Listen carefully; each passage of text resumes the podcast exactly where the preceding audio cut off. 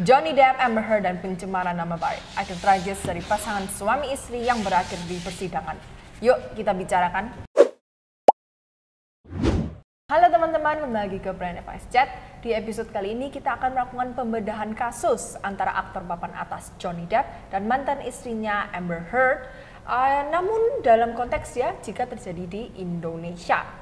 Jadi langsung aja kita mulai dan tanya ke Pak Michael. Jadi Pak Michael, kasusnya ini tentang apa ya? Jadi kasusnya Johnny Depp versus Amber Heard ini secara umum kasus defamation ya, walaupun memang itu berangkatnya kemarin dari percekcokan rumah tangga, KDRT, tapi itu kan yang lalu ya, kalau sidang yang sekarang lagi berjalan itu sidang untuk kasus defamation. Defamation ini apa? Kalau di Indonesia itu setaranya dengan pencemaran nama baik. Defamation sendiri kalau di US tuh secara umum biasanya dibagi lagi ada dua, ada yang namanya slander, ada yang namanya libel. Nah, slander itu kalau dilakukan secara spoken ya, gampangannya itu dulu saya waktu di US tuh uh, waktu kuliah diajarin kalau depannya S tuh berarti spoken, slander gitu. Kalau libel itu yang secara written gitu.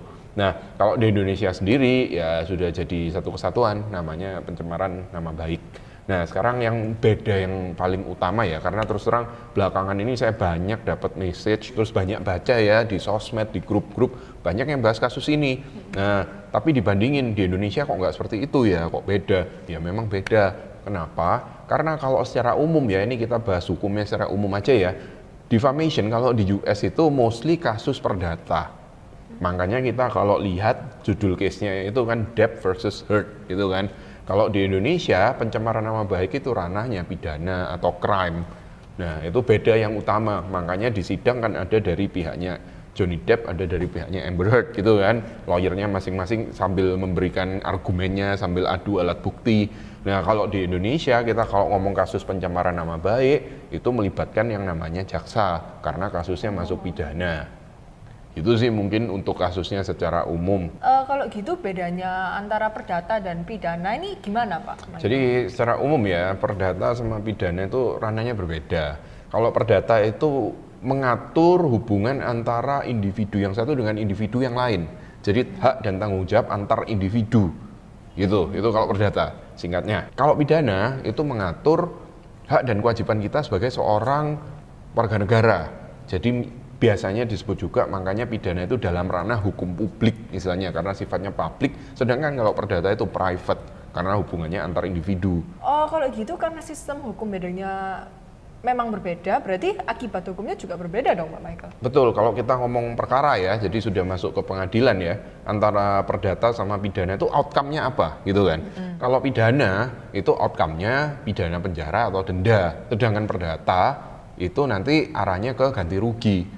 Jadi pihak yang dinyatakan dalam tanda kutip ya kalah ya kalau dalam perdata itu wajib mengganti kerugiannya dari pihak yang satunya. Oh makanya yang uh, biasanya headline headlinesnya yang Amber Heard ini kalau misalnya Johnny Depp yang menang bisa-bisa Amber Heard ini disuruh bayar ganti rugi 50 juta US dollar itu. Betul ya, ya. makanya kan di sana rananya ke perdata kan ya, mm -hmm. civil lawsuit. Kalau di Indonesia kasus pencemaran nama baik, outcome-nya nanti hukumannya pidana penjara atau denda. Dendanya itu pun tidak dibayarkan ke pihak yang korbannya, tapi oh, dibayarkan ke kas negara. Oh. Gitu. Jadi di situlah ada perbedaan sistem kalau antara di Indonesia dengan di US. Nah, tapi apakah menutup kemungkinan di Indonesia ini suatu kasus pencemaran nama baik itu bisa jadi kasus perdata? Menurut saya pribadi, kalau memang ada pihak yang merasa dirugikan dengan pernyataan orang lain, itu nggak menutup kemungkinan bisa diajukan gugatan yang namanya PMH atau perbuatan melawan hukum. Nah, dengan gugatan perdata itu mungkin kan. Jadi misalkan hakim sudah memutus nanti pihak yang membuat pernyataan-pernyataan ini kalau memang merugikan bisa diminta untuk mengganti kerugiannya ke pihak yang dirugikan. Jumlahnya tapi pasti berbeda ya ini Nah itu tergantung. Jadi kalau rananya perdata, ya kita merasa kerugian kita itu berapa ya, nanti ada kita assess gitu ya, lalu kita mintakan istilahnya ke pengadilan nanti kita tulis. Kalau di Indonesia itu istilahnya petitumnya. Jadi petitumnya itu kita minta berapa? Minta pihak tergugat untuk mengganti xxx rupiah. Kalau sudah diputus tapi pihak yang harus ganti rugi tidak mau membayar gitu gimana Pak Mike? Iya bisa melakukan upaya hukum, mungkin oh. familiar dengan istilahnya banding ya. Mm-hmm. Nah nanti kan prosesnya nggak berhenti di situ aja gitu. Masih menjulur berarti ya? Iya. Uh, terus kalau di Indonesia ya Pak Michael, uh, hukumannya secara pidana kalau dalam kasus pencemaran nama baik ini gimana? Jadi kalau di Indonesia pencemaran nama baik itu ada dua macam ya. Hmm. Ada yang berdasarkan Undang-Undang ITE, ada yang berdasarkan KUHP. Nah kalau yang berdasarkan Undang-Undang ITE itu ancaman pidananya penjara 4 tahun atau denda sebesar 75 juta rupiah. Sedangkan kalau yang menurut KUHP atau Kitab Undang-Undang Hukum Pidana di situ diatur perbuatan menyerang kehormatan atau nama baik seseorang dengan menuduhkan suatu hal yang maksudnya terang supaya hal itu diketahui umum diancam karena pencemaran dengan pidana penjara paling lama 9 bulan atau pidana denda paling lama Rp4.500. Lalu jika dilakukan dengan tulisan atau gambaran yang disiarkan, dipertunjukkan atau ditempelkan di muka umum, maka diancam karena pencemaran tertulis dengan pidana penjara paling lama satu tahun 4 bulan atau pidana denda paling banyak Rp4.500. Tapi of course untuk dendanya itu kan sudah di-adjust ya, dikalikan Rp1.000. Jadi totalnya untuk dendanya 4 juta 500 rupiah. Uh, terus ya Pak Michael, dengar-dengar kalau misalnya konsep public figure di US dan di Indonesia itu juga berbeda ya? Betul memang, jadi kalau kita ngomongin konsepnya public figure untuk kasus defamation di US, perkara defamation atau pencemaran baik ya, itu konsep public figure itu akan menentukan arah jalannya perkara juga. Jadi kalau justru di sana dia dinyatakan sebagai public figure, itu harus ada extra effort kalau memang dia mau mau mengajukan suatu gugatan pencemaran nama baik ini tadi gitu. Uh, kemudian Pak Michael kan kasus defamation ini sempat menyinggung tentang persinahan hmm. dan juga tentang masalah KDRT. Nah hmm. kalau misalnya mungkin dijelaskan sedikit hukumnya di Indonesia gimana Pak Michael? Iya benar, memang kan kasus ini ada kaitannya dengan kasus-kasus atau perkara yang kemarin ya di antara hmm. mereka ya. Nah sekarang pertanyaan kalau di Indonesia aturannya gimana ya?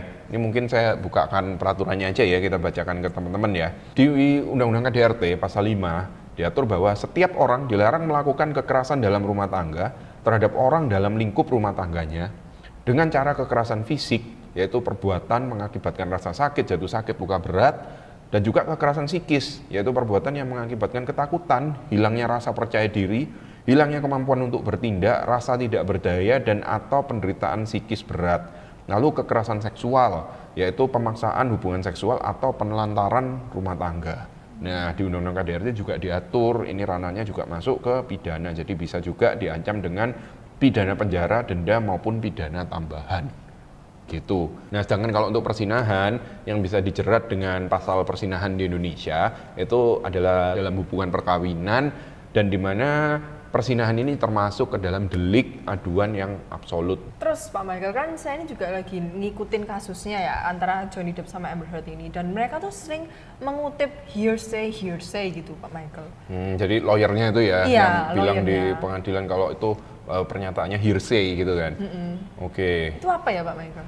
Jadi hearsay itu merupakan suatu konsep yang berhubungan dengan kesaksian. Mm -hmm. Kalau di Indonesia ada juga konsep yang similar dengan hearsay itu namanya testimonium de auditu. Jadi mereka itu memberikan kesaksian yang bukan dilihat, dialami atau didengar sendiri. Jadi mereka mengutip dari orang. Mm -hmm. Gitu. Jadi saya dengar dari ini katanya begini gitu loh. Okay. Nah, jadi bukan dia yang misalkan saya waktu itu melihat seperti ini. Mm-hmm. Itulah yang namanya hearsay atau di Indonesia dikenal dengan testimonium de auditu. Makanya hear gitu ya. Iya. Nah, kalau hearsay gitu apakah bisa dijadikan alat bukti ya, Pak Michael? Jadi kalau di US itu setahu saya by default nggak bisa, tapi memang ada kondisi-kondisi tertentu yang bisa membuat hearsay ini diterima oleh pengadilan. Nah, kalau di Indonesia sendiri apakah bisa? Testimonium di auditu ini atau hearsay itu digunakan sebagai, sebagai alat bukti. Kalau kita ngomong alat bukti saksi ya, itu memang harus yang didengar, dilihat atau dialami secara langsung. Tapi nggak menutup kemungkinan kesaksian yang bersifat hearsay ini tadi untuk didengarkan di depan pengadilan karena bisa juga digabungkan dengan alat bukti yang lain sehingga dianggap sebagai suatu persangkaan. Itu juga bisa karena persangkaan itu juga merupakan alat bukti yang diakui di Indonesia. Gitu. Jadi ya memang bukan alat bukti yang kuat tapi tidak menutup kemungkinan untuk bisa digunakan. Intinya sih kurang lebih seperti itu. Oh, begitu ya Pak Michael. Oke, sekian dulu dari video Advice Chat kita pada hari ini. Kita sudah banyak belajar tentang konsep uh, defamation, KDRT, persinahan, dan banyak lagi. Kalau misalnya teman-teman juga ada pertanyaan, boleh seperti biasa langsung DM kita atau hubungi kita di WA. Dan pertanyaan yang paling penting, Anda tim siapa? Johnny Depp atau Amber Heard? Bye-bye! Saya tim Elon Musk.